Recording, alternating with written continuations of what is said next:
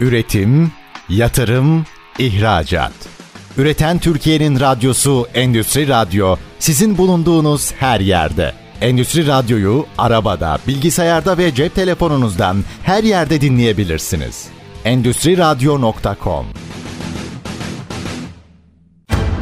Çetin Ünsal'ın hazırlayıp sunduğu Reel Piyasalar programı başlıyor.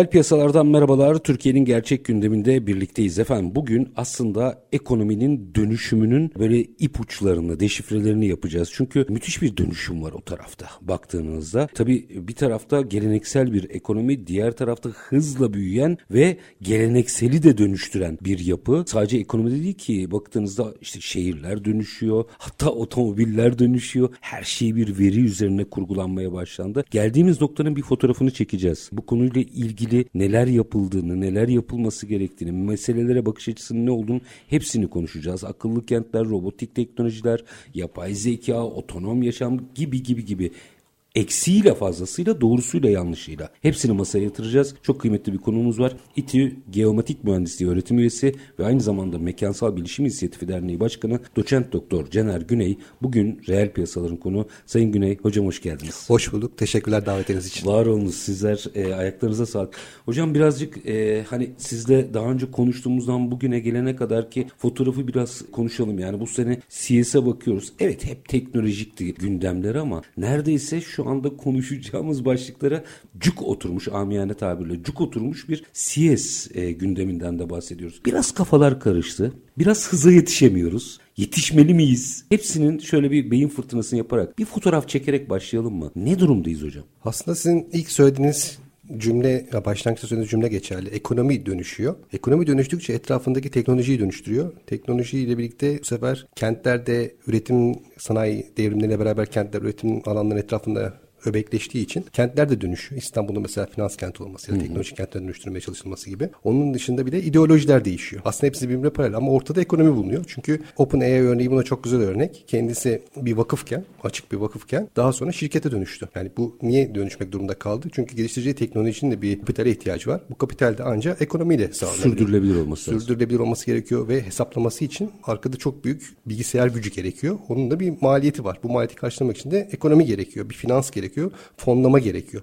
E o zaman da ne oluyor? Şimdi ekonomi dönüşüyor. Ekonomi diyor ki ben parayı daha çok nereden kazanabilirim? En çok katma değeri yüksek olan firmalar Amerika'da baktığımız zaman e, Nasdaq'a baktığımızda hep teknoloji firmalarının belli Nvidia mesela. Yapay zeka gelişi için Nvidia hisseleri inanılmaz arttı 2023'te. Üçüncü çeyrekte ve dördüncü çeyrekte çok arttı hisseleri. E şimdi öyle olunca o Nvidia orada hissesi artınca onu destekleyenler para kazanmış oluyor. Para kazanınca Nvidia'nın ürettiklerini kullananlar başka yazılım uygulamalar geliştiriyorlar. Onlar artmaya başlıyor. Tesla'nın otonom araç geliştirmesi, Tesla'nın hisselerinin fiyatının artması. Aslında hepsinin Çok temelinde markalara girmeyelim de hocam. Yani otonom araçlarda mesela otonom yapay zeka var. Oradaki yapay zekayı geliştirirseniz o zaman öne çıkıyorsunuz. Örneğin Çinlilerin geliştirdiği yüzlerce elektrikli araca karşı başka bir firma öne çıkabiliyor. Çünkü içinde bulundurduğu otonom araç teknoloji sayesinde. Aslında ekonomi teknolojiyi dönüştürüyor. Ya da teknoloji ekonominin büyümesine sebep oluyor. O zaman ne oluyor? Tavuk yumurta hikayesine dönüyor. Tavuk mu yumurtadan çıkar, yumurta mı tavuktan çıkar? Hepsi ama birbirini besliyor. Besliyor ama burada ortada ekonomi, ne yazık ki ekonomi var. Ne yazık ki para var yani. Hocam onun da sanki anahtarı veri gibi veri ama şöyle bakalım. Şimdi sonuçta akşamdan sabah yapay zeka çıkmadı. Hı hı. 50'lerden beri yapay zeka üzerine çalışılıyor. Yapay zeka çalışanlar bunun tarihini Alan Turing'e dayandırır. Oradan başlar. Ama 50'ler diyelim. E, 50'lerden 2020-70 yılı bu teknolojiye geldik. 70 yılda bu teknolojiye gelmek için çünkü arada aşamalar gerekiyordu. Bir 50'de niye olmadı? Çünkü veri yoktu. Hı hı. Çünkü hesaplama olanakları bu kadar yüksek değildi. Bunlar zamanla gelişti. Önce ekonomi bize dedi ki firmalar dijital transformasyona uğrayacak dediler.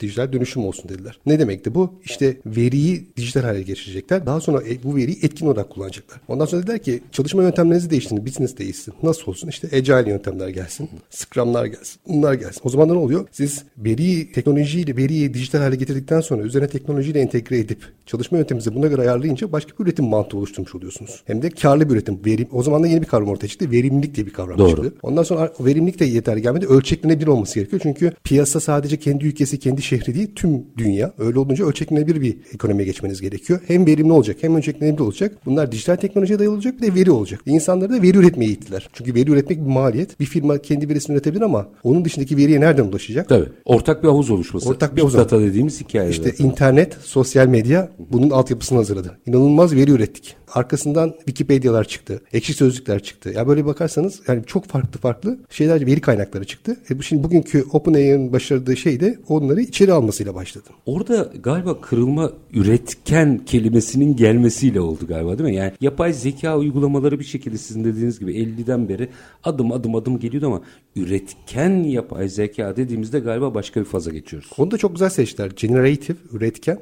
Oradaki üretkenleşen aslında yapay zeka değil. Orada üretkenleşen insan. Yani o yapay zekayı kullanan insan et, üretken olacak. Nasıl olacak? Daha klasik üretim yaptığı bantlar dışında bu gazetecilik de olsa, öğrencilik de olsa klasik kullan mesela öğrenci ise kitaptan çalışmak yerine başka şeyleri kullanmaya başlayacak. Mesela ChatGPT kullanarak da yapmaya başlayacak. Bard'ı, Bink'i kullanmaya başlayacak. yapacak. O zaman ne oluyor? Üretken olma, üretkenliği artıyor. Yani sadece bir kitaptan çalışmaktansa tüm internetteki veriye dayalı bir sistemden beslenmesi daha etkin oluyor. Ama bunu birden yapmadı. Araya önce YouTube'u soktu. Araya önce sosyal medyayı soktu. Bunları soka soka soka öğrendi. Dedi ki ben kendimi bu şekilde geliştirebilirim. Üretkenliğim artıyor. O zaman da ne oluyor? İnsanın üretimini nasıl arttırabiliriz de geldi. Çünkü şimdi biz üç tane sanayi devrimi tamamen bitirdik. Dördüncüsünün içindeyiz. Beşincisini konuşuyoruz. E ama insanın çalışma şekli hiç mi değişmiyor bu kadar zamanda? Bu kadar teknoloji Mümkün mü? gelişiyor. Mümkün değil. O zaman ne yapması lazım? İnsanın daha az çalışması gerekiyor aslında. Ama daha az çalışarak daha yüksek katma değer üretebilmesi lazım. Şeyi eskilerin tabiriyle ameliyeyi terk ediyoruz aslında. Evet o, o zaten tamamen orada. Yani rutin işleri yapmaması gerekiyor. Yani rutin işleri artık yani mesela maden işçisinde artık olmaması gerekiyor. Yani. Bu da 21. Onu yüzyılda. robotun halletmesi gerekiyor. Robotun halletmesi gerekiyor. Yani oraya o kadar binlerce metre aşağı insan iki büktüm kazmaya çalıştım ben mantığı yok. Ama işte belki de hiç yoktu ama ya sonuçta bu oldu. Bu yaşandı. Ama bunu artık kaldırmak gerekiyor. O zaman da ne yapmak gerekiyor? İşte teknolojiden nasıl yararlanabiliriz? O zaman daha az çalışacak. Ailesine daha çok zaman ayıracak. Daha çok daha kültürel bir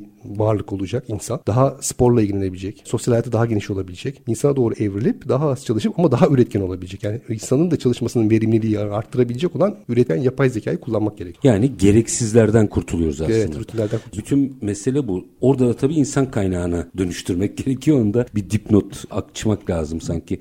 İşte yeni yetenekler, yeni meslekler vesaire. Çünkü şey böyle çok magazinel. İşte artık insan işsiz kalacak falan. Hiçbir çağda, hiçbir devrimde sanıyorum insanlar işsiz kalmadı. Evet dönüşmüşler. Dönüşmüşler. Dönüşmüşler. Şimdi e, o zaman burada işin temelinde ölçüm olduğuna göre ölçme, algılama vesaire galiba geometrik kritik başlıklardan biri haline geliyor. Ne dersiniz? Aslında öyle çünkü her şimdi veri dediğimiz kavram çok üst ölçekte bir kavram. Her şeyi kapsıyor. Onun daha bir üstünde de içerik diye bir kavram var. Örneğin sosyal medya mesajı, Twitter'dan attığınız bir mesaj ya da herhangi bir Sosyal sosyal, medya. medyadan attığınız mesaj. O bir veri olarak da alabilirsiniz onu, içerik olarak da alabilirsiniz ya da bir görüntü paylaşmanız, resim paylaşmanız. Şimdi o, o kavramların altında önemli bir yerde konum verisi var. Bu nerede paylaşıldı? Nerede, ne zaman paylaşıldı? O zaman ne oluyor? Orada o sürekli o şekilde öyle bir mesaj paylaşılıyorsa belki orada bir sorun var. Belki orada bir anomali var. Belki bir trafik sıkışıklığı var. Belki başka bir şey var. Bu gibi olayları o zaman görebiliyorsunuz. Gördüğünüz zaman da bunların çözümler uygulayabiliyorsunuz. Depremde de mesela şimdi depremle ilgili deprem olduğunu düşünün. Afette çok yaşıyoruz ülkemizde. O zaman bazı mesajlar çok paylaşılırsa oraya bazı şeylerin çok daha gereksinim olduğunu anlıyorsunuz. Örneğin su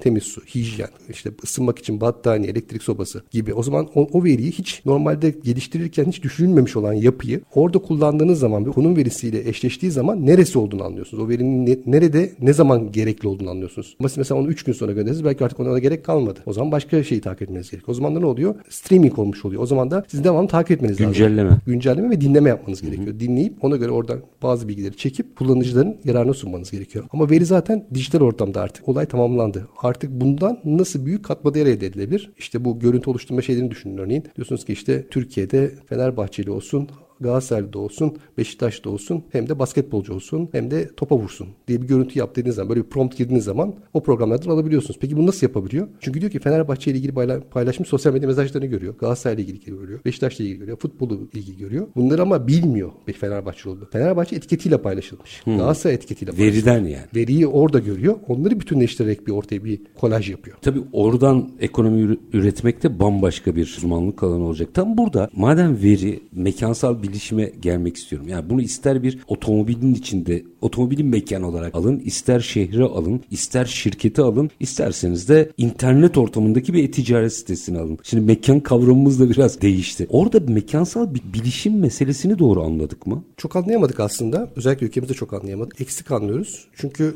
illa ölçülmesi gerekir gibi düşünüyoruz bazı bilginin üretilmesi için. Ama aynı zamanda algılanabilir de, başka bir yerden de alabilir, türetilebilir de. Bu gibi bütünleştirilebilir. Örneğin otonom araç çok güzel bir örnek aslında. Otonom araçta çünkü üzerinde normalde bir geometrik mühendisinin yaptığı her işi yapıyormuş gibi gözüküyor. Ya da robot süpürge. O da benzer mantıkla çalışıyor. Otonom araçta çok da daha gelişmiş hali. Robot süpürge ne yapıyor? Evi süpürüyor. Ama süpürürken ne ev olduğunu biliyor. Ne de süpürme işi yaptığında anladığında birçok bir bilgisi var. Böyle bir şey bilmiyor. Sadece ne yapıyor? Hareket ediyor. Hareket ettikçe altında da bir şey dönüyor. Mekan taraması Ama mekana aslında. tarıyor. Tabii. Ve taradıktan sonra evin bir haritasını çıkartıyor. Ona ne kadar harita denese bir harita çıkartıyor. Çıkarttıktan sonra ona göre çarpmaması gereken yerleri belirliyor. Altta bir sensör daha var örneğin. Halıya çıktığı zaman farklı bir süpürme yapıyor. Halı olmayan yüzeyde yaptığı zaman başka bir şekilde yapıyor. Bunları koordine ediyor. Ama neye bunu neye göre koordine ediyor? Konum bilgisine göre. Hı hı. Çok basit bir örnek mesela. Yeni bir robot örneği çıktı Aloha diye. Öğrenciler, lisanslı öğrenciler tarafından geliştirildi. Evdeki tüm hizmetleri yapab- yapabilmesi. Yumurta kırabiliyor, yemek yapabiliyor, dolaptan bir şey alabiliyor. Bunlar hep konum. Ya konumu bilmezseniz konum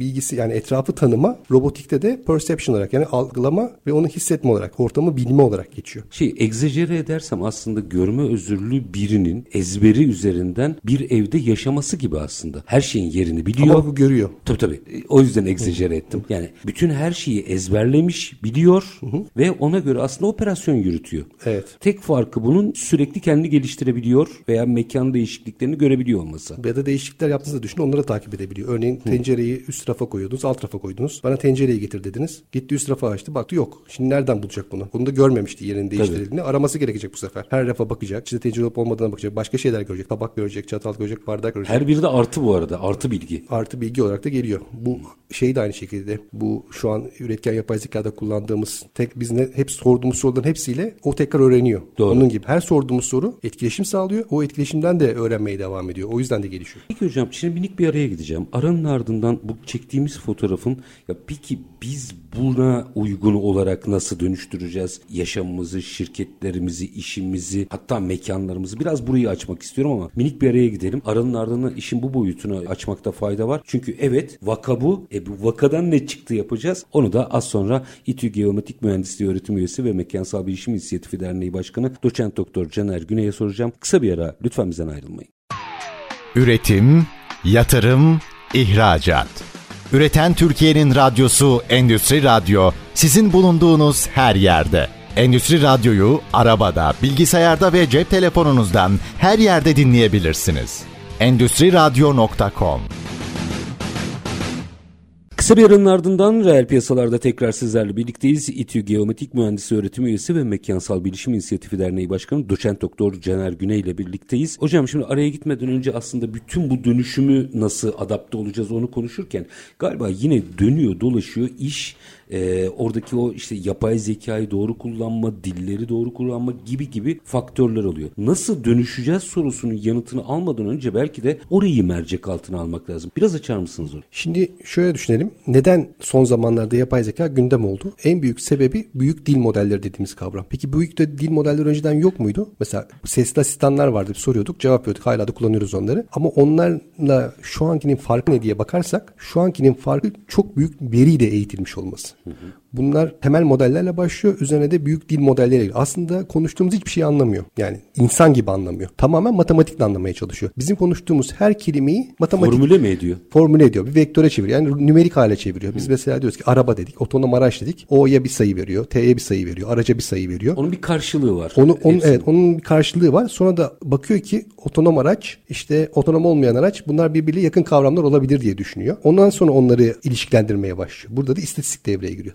Tamamen bunun üzerine kurulu. Bu büyük dil modelleri değişiklik yarat. Devrim yaratan kızım burası. Peki neden? Çünkü insan düşüncesini dille ifade eder. Doğru. Dille ifade ettiği için dili kullanabilmesi insanla düşünsel bazda ilişki kurabilmesinin altyapısını oluşturmuş oluyor. O yüzden burası devrimsel kısmı aslında burası. Daha sonra da bunun arkasından da işte görüntüleri değiştirme, en çok videoları değiştirme, görüntüleri değiştirme, sesleri değiştirmeye girmeye başladı. Aslında bu metin, görüntü, ses, video bunların hepsi birer girdi, input bunlar. Bundan sonra bunların ana çekirdekte de büyük dil modelleri var. Bunları alıyor. Ondan sonra ortaya bir şeyler oluşturmaya çalışıyor. Bir şeyler oluşturuyor. Yaratıcılık yapmıyor tam olarak şu an ama bir şeyler oluşturuyor. Bir araya getiriyor. Kolajlıyormuş gibi yapıyor. Farklı şeyleri bir araya getiriyor. Ama insan gibi yaratıcılığı yok şu an. Zaten amaç da o. Amaç bizim yani bilişim dünyasının ulaşmak istediği kısım yapay genel zeka. Ama şu an o durumda değiliz. Hala biz makine öğrenmelerinin modelleri üzerinde çalışıyoruz. Mesela konu verisi de bunun bir inputu olabilir. O zaman da ne oluyor? Üretkenlik aslında bu inputlara dayalı olarak kullanılabiliyor. E şimdi bunu şirketlerle bütünleştirelim. Şirket bunu nasıl kullanacak? Mesela ilk baştan bazı firmalar OpenAI'nin bu ürünü kullanmak istemediler. E, yasakladılar. Çünkü şirket bilgilerinin dışarı çıkmasını istemediler. Şimdi onu öğrenebilir. İşte ne kadar lojistik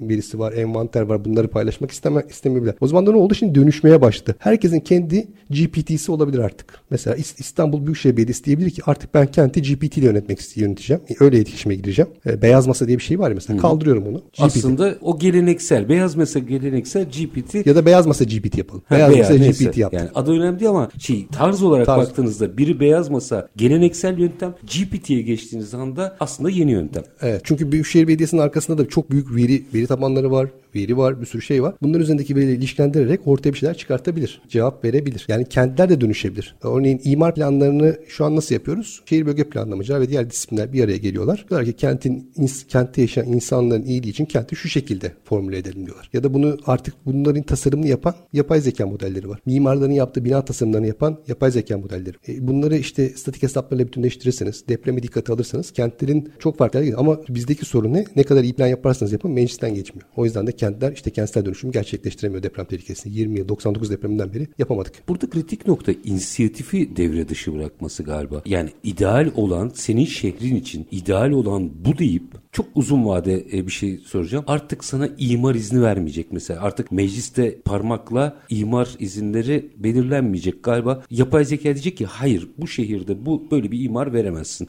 Çok, Aslında çok yapay zeka diyecek ki mecliste gerek yok, belediye başkanına gerek yok. Şimdi ha tabii en ucunda yani Mart'taki seçimleri çok büyük tartışma var. Onlar üzerinden yürüyor ama aslında mesela şöyle düşünelim. Büyükşehir Belediye bizim belediye meclisine niye gereksinimiz var? Ya da kenti yönetmek için çünkü 20 milyonluk İstanbul'u yönetemezsiniz zaten. Tabii. Yani o çok mant mantıksal değil, rasyonel değil. Onun yerine ama yapay zeka bunu daha iyi yönetebilir. Prensipleri belirlerseniz işte doğa, insanlara saygı, çevreyi korunması gibi gibi prensipleri, demokrasi fikrini ifade edebilmesi. Böyle bir prensipleri belirleyeceksiniz. Sonra bir kente, biz belirleyeceğiz. Biz yani. belirleyeceğiz. İnsanlar belirleyecek. Çünkü diğeri rutin gerisi zaten. Tabii. Yani imar planının neresi olması gerektiğini tasarımı çok öyle karmaşık bir şey değil. Bu yapay zeka olmadan da bu kural tabanlı sistemlerle yapılabilir zaten. Hı hı. Yani yapay zeka hiç olmasa da biz bunu kural tabanlı sistemlerle belediye meclisinin o el kaldırmasını engelleyebiliriz. Orasını biz korunan alan yaparız işte konu kapanır zaten. Kapanır. Tabii. Aynı şey gibi düşünebilirsiniz. Boğaz'daki genel görünüm gibi, imar Hı. yazısı gibi. Şimdi öyle olunca bu sistemleri kurmak mümkün. O zaman da kentin tasarımı değişiyor. Kentin tasarımı değişince şirketlerin de tasarımları ona bağlı olmaya başlayacak. Mesela siz şimdi bir firma, bir,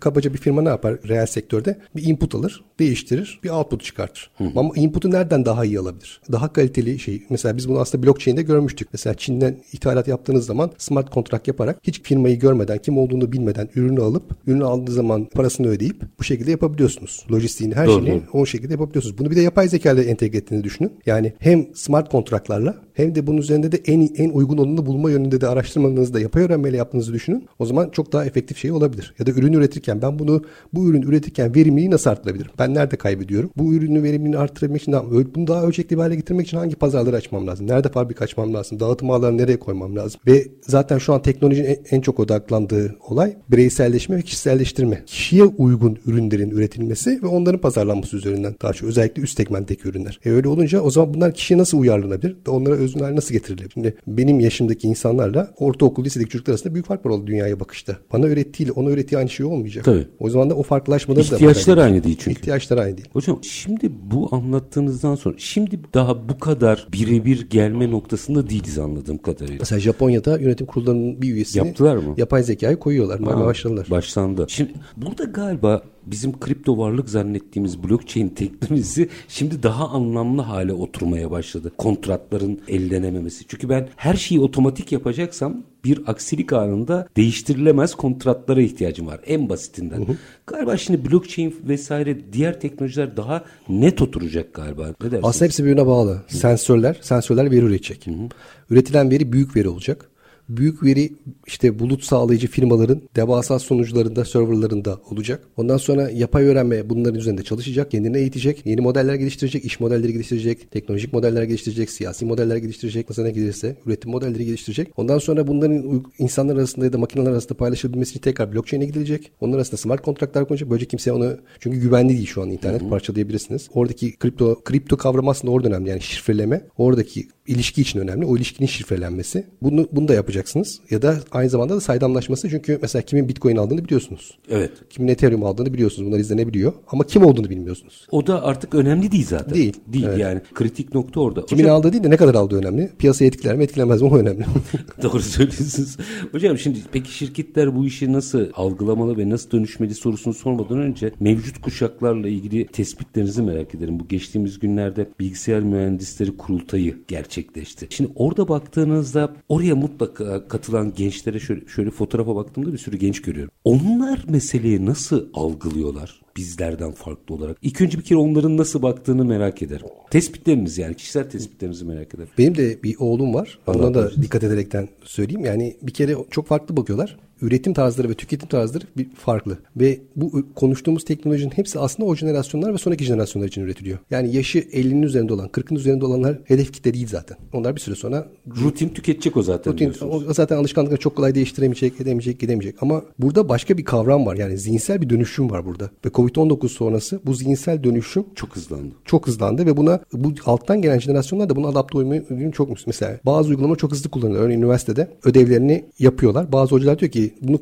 şu şu programları kullanmayacaksınız. İşte bu yapay zeka uygulamalarını kullanmayacaksınız. Halbuki tam tersine artık bu saatten sonra onu kullanma diyemezsiniz. Tabii. Mesela üniversite şey yapıyor, dergilere üye oluyor, kütüphanesine kitapları getiriyor, yazılımlar alıyor, öğrencilere lisanslarını açıyor ücretsiz. Aynı şekilde ne yapması lazım? Şimdi OpenAI'nin lisanslarını alması lazım. Şimdi 20 dolar bir öğrenci için çok fazla ayda. Tabii ama okul için hiçbir şey değil. Okul ama onu tüm öğrenciler için bir anlaşma yaparsa firmalarla Tabii, o zaman şey daha ucuza gelecek ve öğrenci o zaman birçok kaynağa ulaşabilecek. Onun önünü açması lazım.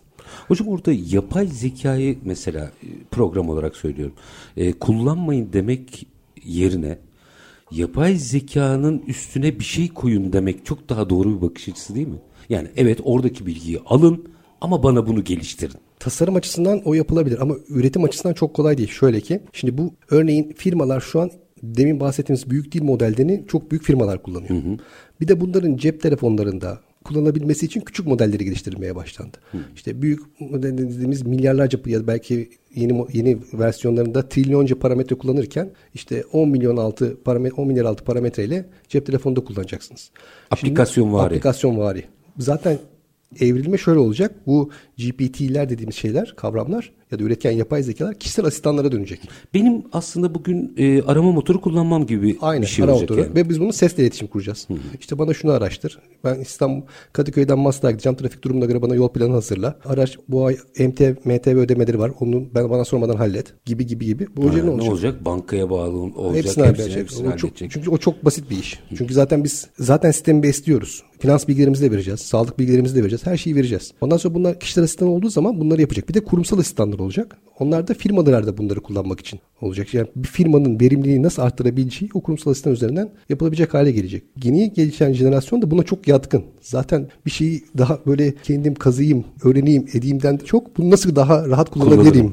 Yani konfor alanı çok geniş yeni jenerasyon. Bakış açısı da buna uygun buna zaten. uygun. Yani bu bu zaten birbirini hazır tamamlıyorlar. Şimdi o modeller üzerinde tasarım yapmak prompt engineering diye bir kavram var. Şimdi yeni meslek, şimdi, şimdi ne var bildiğimiz meslekler? Makine mühendisliği var, inşaat mühendisliği var, kimya mühendisliği var, harita mühendisliği var. Belki bu meslekler böyle olmayacak artık. Çünkü bunların tasarımlarını, uygulamalarını yapan uygulamalar var zaten. Beyaz yakanın yaptığı birçok işi yapan kısım olacak. O zaman ne gerekiyor? Şimdi bizim yeni jenerasyona buna uygun hazırlamamız gerekiyor. Bunu yapabilmek için de özellikle temel bilimlere önem vermemiz gerekiyor. Matematik bilmesi gerekiyor.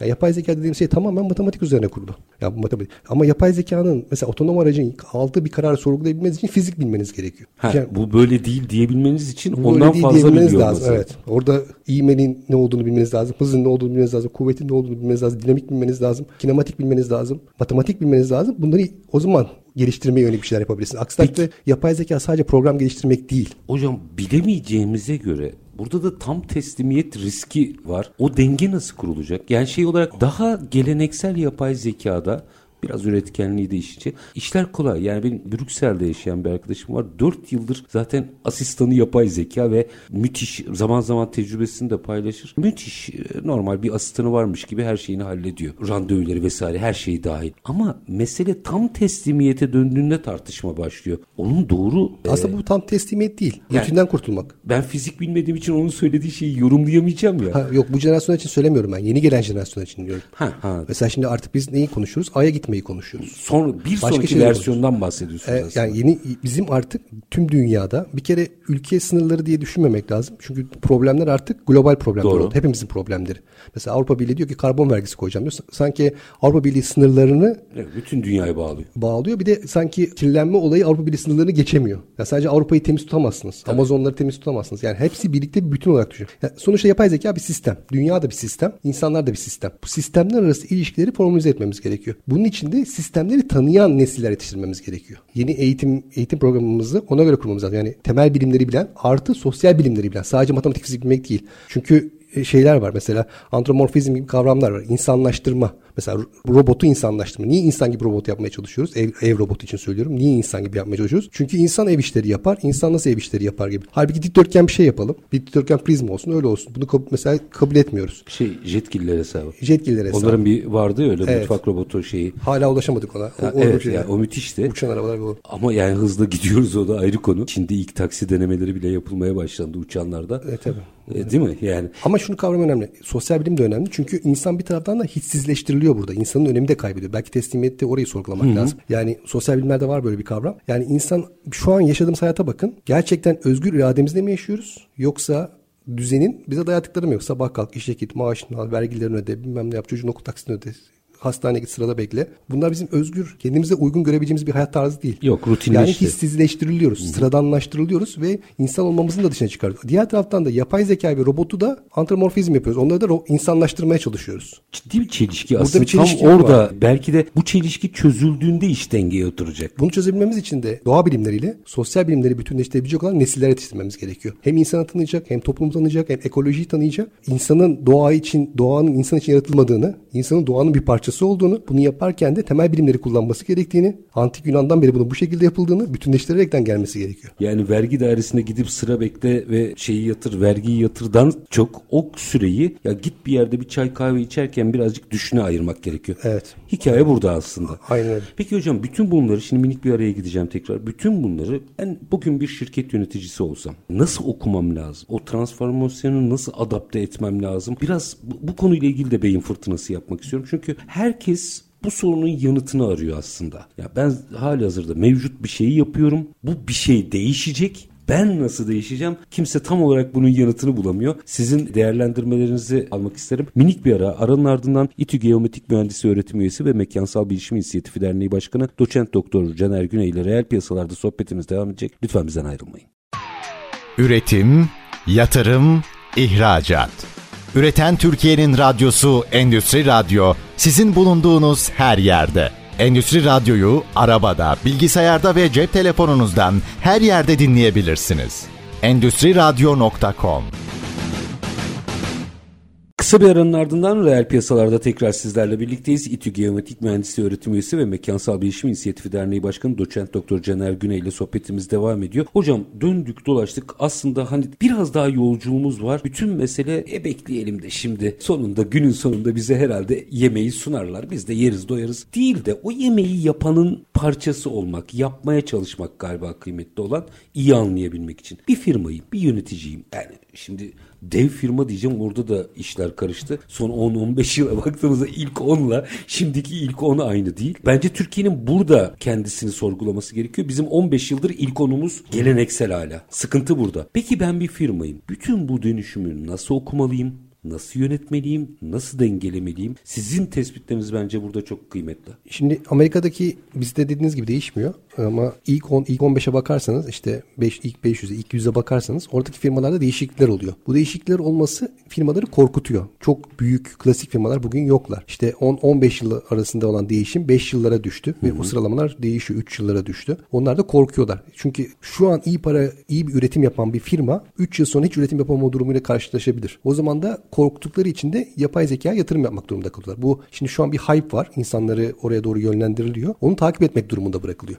Onu bırakmak için de bu sefer nasıl takip edebilir diye düşünüyor. ARGE yapmam gerekiyor ve inovasyon yapmam gerekiyor diye düşünüyor. O zaman da kendi firmaları içerisinde ARGE ve inovasyon kavramlarını öne çıkartmaya başlıyor. Türkiye'nin ARGE'ye yani hükümetin harcadığı yüzde bir Hı hı. Genel bütçeden yüzde bir harcanıyor. Hani bunu daha yüksek hale getirmemiz lazım. Artık kurumların da yapması, şirketlerin, şirketlerin orada çok belirleyici. Lazım. Onların daha çok argeye yatırım yapması gerekiyor. Yapması lazım. E, bazı yapan firmalar var ama genelde bizdeki firmalar da Ülkeyle, özel, ürün geliştirmeyle karıştırıyoruz ürün, bunu. İnovasyonla argeyi çok birbirine karıştırıyoruz. Bir de kurumsal firmalar değiller. Aile firmaları oldukları için aman boş ver bugünü kurtaralım şeklinde devam ediyorlar. Ama bu işte bu dijital dönüşüm, yönetim sistemlerindeki değişimlerle beraber bu argeye olan şey atma. Argeyi yapamasanız bile firma içinizde bilişim teknolojileri düşünen insanların sayısını artırmanız lazım. Yani üniversiteden çıkmış olan yeni mezunlar artık onlar daha biraz daha teknolojiye yatkın. Nasıl biz bu firmanın süreçlerinde biliş, bilişim teknolojilerini etkin kullanabiliriz? Bu illa yapay zeka olması gerekmiyor. Tabii tabii. Adım adım adım adım bunu geliştirmek gerekiyor. Zaten öbür türlüsü çok tehlikeli değil mi hocam? Yani birdenbire buraya her şeyi adapte etmeye çalışmak yani o hazım o, olmayacak o zaman. Evet. Çünkü zaten onu etmeniz için bazı hazırlıklar yapmanız gerekiyor. Hı-hı. Önce işte mesela bir bulut sistemi kurmanız gerekiyor ya da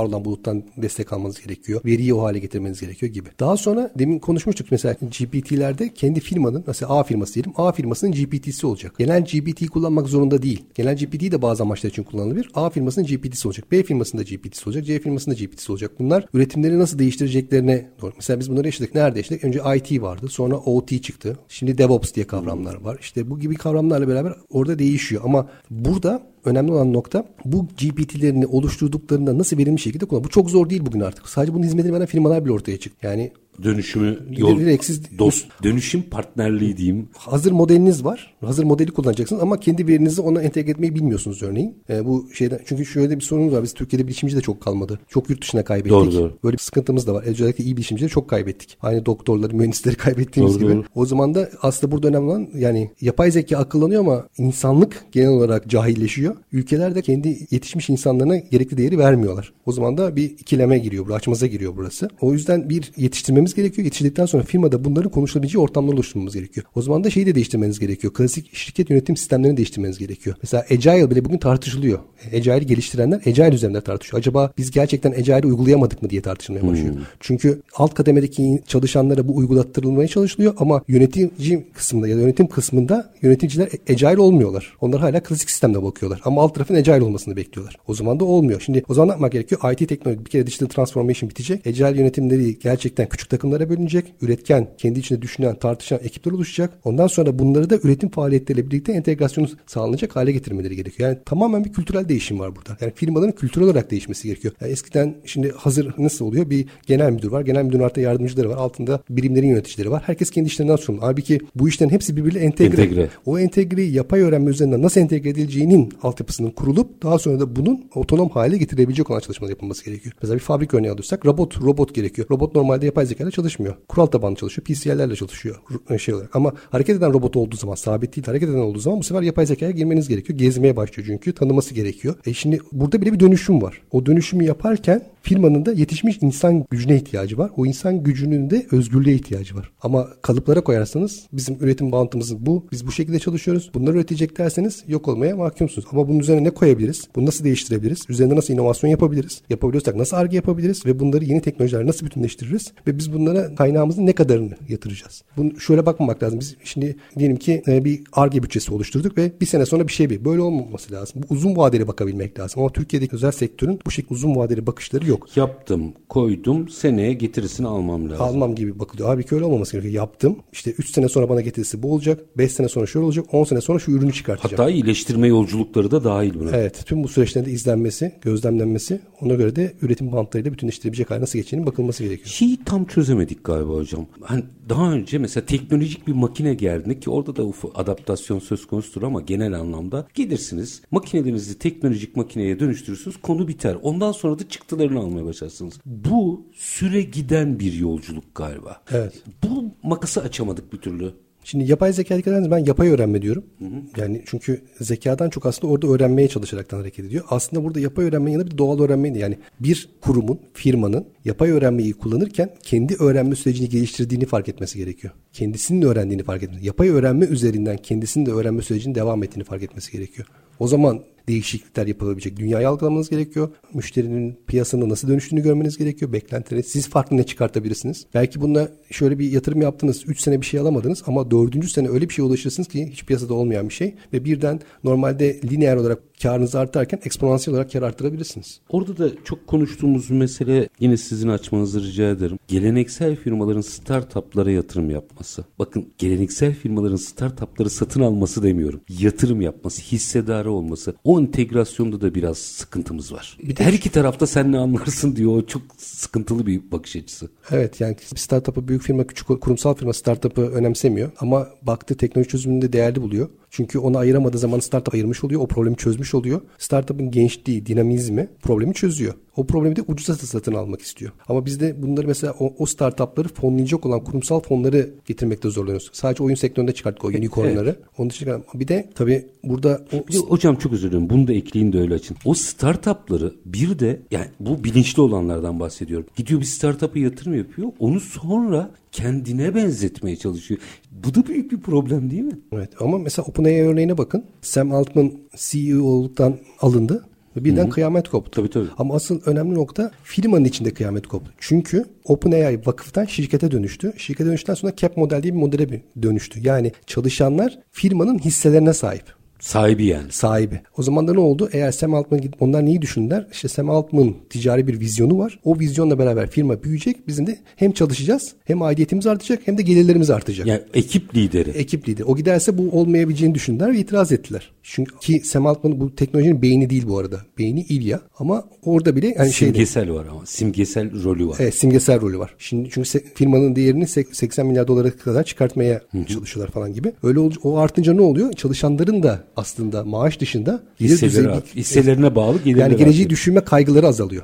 Doğru. Şimdi burada ne oldu? Bir iş modeli değişikliği var aslında. Firmalarda bunu görmeye başlayacağız. Startuplarda da bu vardı. Onlar da hiç bütçeleri olmadan kendi ceplerinden yiyerekten bir şeyler yapmaya çalışıyorlar. Ama şimdi biraz fonlandıktan sonra işte ilk tohumlarını aldıktan sonra ondan sonra biraz fonlandıktan sonra aslında bu modele dönmeye başladıklarından itibaren değişik şeyler olabilir. Türkiye'de galiba bunun uygulaması var ama borsaya açık şirketler olması gerekiyor sanırım. Hmm. Çalışanlar firmanın hissesine sahip olma modeli var. Diğer taraftan da güç ekosisteminde ya da blockchain ekosisteminde de DAO diye bir kavram var. O da Decentralized Autonomous Organization. Yani insanlar birbirini tanımadan bir araya gelip sadece belirledikleri ortak amaç içerisinde birlikte çalışıyorlar. O fikir ne kadar iyi olursa örneğin bir tane coin çıkarlar diyelim ki o coin ne kadar başarılı olursa o kadar kendi getirileri ellerinde coin olduğu için getirileri artıyor. O zaman da projeyi baltalamak ya da bundan çıkayım şeklinde değil de bunun daha iyi olması için çalışıyor ve gönüllü olarak bunu çalışıyor. Aslında bir motivasyon kaynağı olmuş oluyor, bir teşvik olmuş oluyor. Ortak çıkarlar oluşturmak Ortak çıkarlar, aslında. Ortaklaşmalar oluşuyor. Toplamda da baktığınızda bütün dönüşen ekonomi aslında buraya doğru mu gidiyor? Ortak değer üretmek. Ya paylaşım ekonomisi dediğimiz tam da bu mu? Paylaşım ekonomisi tam bu değil ama ortak değer üretmekte sorunumuz var. Zaten dünyanın şu an içinde bulunduğu sorun ortaklı, ortaklaşamaması.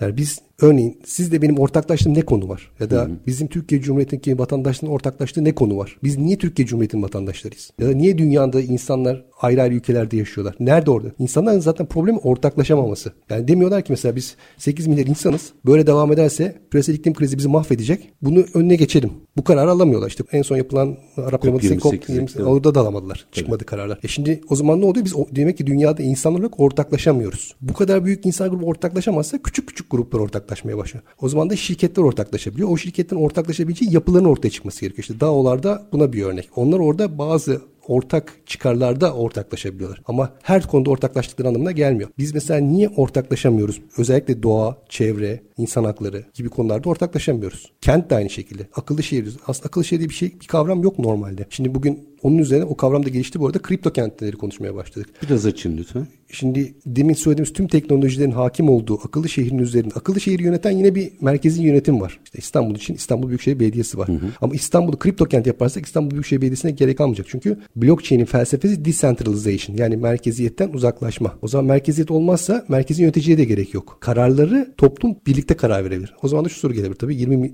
şey 20 milyon insan nasıl karar verecek? İşte bunların topluluk yönetimi denen kavram da burada ortaya çıkıyor. Bunların birlikte paylaşabileceği, tartışabileceği ortamlar işte Discord, Slash gibi uygulamalar üzerinden bunlarla neler yapılabilir? Bunlar küçük parçalara nasıl bölünebilir? Kent küçük parçalara nasıl bölünebilir? Hocam gibi diyor. Bu söylediğiniz bana şeyi hatırlattı. Birazcık daha eski çağlara gittiğimizde işte Agora meydanlarını veya işte evet. nasıl zaten kent küçükmüş hep beraber bir araya gelir bir karar alırlarmış. Şimdi bunu teknolojiyle yap- yapmanın yolunu arıyoruz sanki. Evet. Bu şimdi teknolojiyle yapmanın yolunu arıyoruz. Yani artık temsiliyetten çok hep beraber bir araya gelelim ve bir karar alınma döndük. Meydan büyüdü. Agora çünkü, büyüdü. Çünkü temsili demokrasinin dünyaya yarar getirmediğini görüyoruz. Şu, şu dünyanın özellikle sadece Türkiye değil. Tüm dünyaya baktığımızda liderlerin ne kadar kötü kararlar verdiğini görüyoruz. Doğru. Bu kadar kötü karar veren liderin bu zamana denk gelmesi bizim şanssızlığımız ama yani mesela dolar niye oynaklık kazanabiliyor ya da hisse senetleri niye oynaklık kazanabiliyor? Bunların olmasına niye izin veriliyor? Bu kadar buradan mesela BRICS başka bir şeye girdi şimdi. Başka şeyler çıkıyor ortaya ya da Bitcoin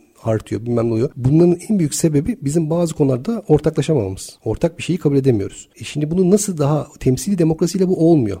Temsili demokrasinin yerine başka bir şey aramak gerekiyor. Herkes demokrasi demokrasi diyor ama gerçekten demokrasi bizim çözümümüz mü değil mi? İlk çağdaki meydana döndük aslında. Evet, ilk çağdaki meydan belki daha efektif olacak. Meydanı da teknoloji sağlayacak. Teknoloji sağlayacak. E, bugün Yüksek Seçim Kurulu bile genel seçimlerden sonra açıklama yapmıştı. İşte oyların cep telefonu üzerinden verilmesi üzerine çalışmalar yapıyoruz diye. Doğru doğru doğru. Yani hala sandığa gidiyoruz. Hala işte imza atıyoruz. Mürekkepleniyoruz gibi. gibi. Yani bunlar hiçbir şey değişmiyor. Her şey değişiyor. Yapay zeka konuşuyoruz ama oy, oy sistemimiz bile aynı. Ama bütün bunların dönüşümü aynı zamanda ekonomiyi, şirketleri, çalışanları hatta belki işveren kavramını da değiştirecek. Ne kadar hazırız hocam? Bir iki dakikada bunu da analizini alıp öyle bitirelim aslında küreselleşme bunun çok büyük altyapısını yaptı. Bugün Türkiye'de de freelance çalışanlar Hindistan'dan iş alıp, Japonya'dan iş alıp, Çin'den iş alıp çalışabiliyorlar ve üretim yapabiliyor özellikle IT tarafından. Hı hı. Bunlar yapılabiliyor. Diğer taraftan da Covid-19 küreselleşmenin ne kadar kötü olduğunu gösterdi. E, sadece Çin'e bağlı olmak, onu kapandığı zaman dünyanın kapalı olması gibi şeyleri de görüldü. Şimdi burada ara çözümler geliştirilmeye çalışılıyor. Ara yerlerde bazı sanayi bölgeleri oluşturulmaya çalışıldığını görüyoruz. Bunun üzerinden de öbekleşecek farklı çalışma alanlarının bununla öbekleşebilecek teknolojik altyapıların kurulduğunu görüyoruz. Şimdi ARGE'ye baktığınız zaman dünyadaki ARGE miktarının çok büyük bir kısmı %60-80 arası bilişim sektörüne yapılıyor. Yani çünkü gelecek orada. Çünkü sadece gelecek çözüm orada değil. Orada çözüm orada. Çözüm çünkü orada bilişim yani. olmadan hiçbir şey üretemiyoruz şu an.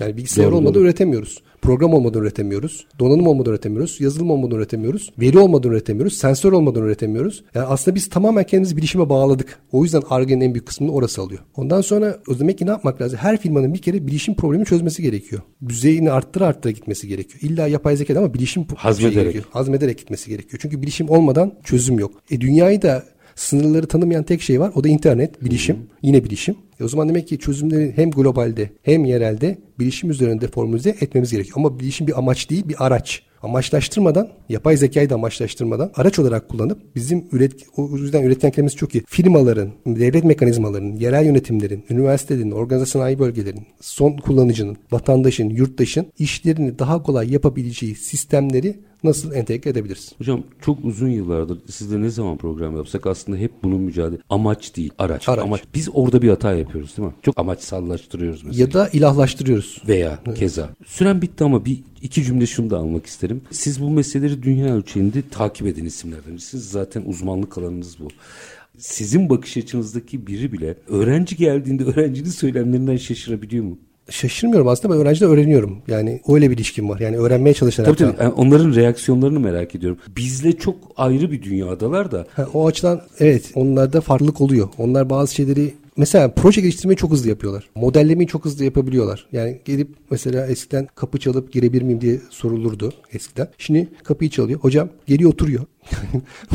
Ondan sonra diyor ki benim şöyle şöyle bir projem var. Çok güzel ama bu. Böyle bir şey yani yapı var. Hani idealize edilen Google çalışanı gibi idealize edilen tırnak içinde. Saygısızlık başka bir şey. Yok saygısızlık anlamında söylemiyorum ben. Rahatlık. Hayır, hayır. O güzel Hedefe gitme yani anlamında söylüyorum. Onları güzel yapabiliyorlar. Yani o da hani hani X, Y, Z kuşağı demek istemiyorum çünkü çok da inanmıyorum ama zamanın gençleri, çocukları bir şeyi kafalarına koydukları zaman, inandıkları zaman ve kafalarına koydukları zaman çok güzel proje haline getirebiliyorlar. Ayrıntılarla, hiyerarşiyle, bürokrasiyle uğraşmak istemiyorlar. onunla Sonucu odaklılar.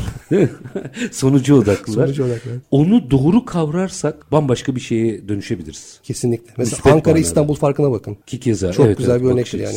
Tabii tabii. Yani özellikle biz gazeteciler Ankara gazetecisi, İstanbul gazetecisi diye bir fark vardır. Galiba fark da orada ortaya çıkıyor bakış açısında. Hocam çok teşekkür ediyorum. Ben çok teşekkür ederim davet ettiğiniz için. Ben çok- sohbetiniz için. Valla e, çok keyif aldım. Yine sizi ağırlamak isterim. Her seferinde daha çok aydınlanıyoruz. İTÜ Geometrik Mühendisi Öğretim Üyesi ve Mekansal Bilişim İnisiyatifi Derneği Başkanı Doçent Doktor Caner Güney. Çok teşekkür ediyorum. Ben efendim. teşekkür ederim. Çok sağ olun. Var olunuz. Efendim bütün dönüşümü, ekonomiyi, bilişimi, bakış açısını hocam çok güzel bir şey söylüyor. Amaçsallaştırmayın, tanrısallaştırmayın. Bu bir araç. Aracı iyi kullanmanın yollarına bakın. Tabii aracı geliştirmenin, geliştiren tarafta olmak da burada zaten artı değeri veriyor. Herkes bence işine, gücüne, bakış açısına bu meseleden bakarsa çok daha başka bir yere gidebiliriz. Biz her zamanki gibi bitirelim efendim. Şartlar ne olursa olsun paranızı ticarete, üretime yatırmaktan, işinizi layıkıyla yapmaktan ama en önemlisi vatandaş olup hakkınızı aramaktan vazgeçmeyin. Hoşçakalın efendim.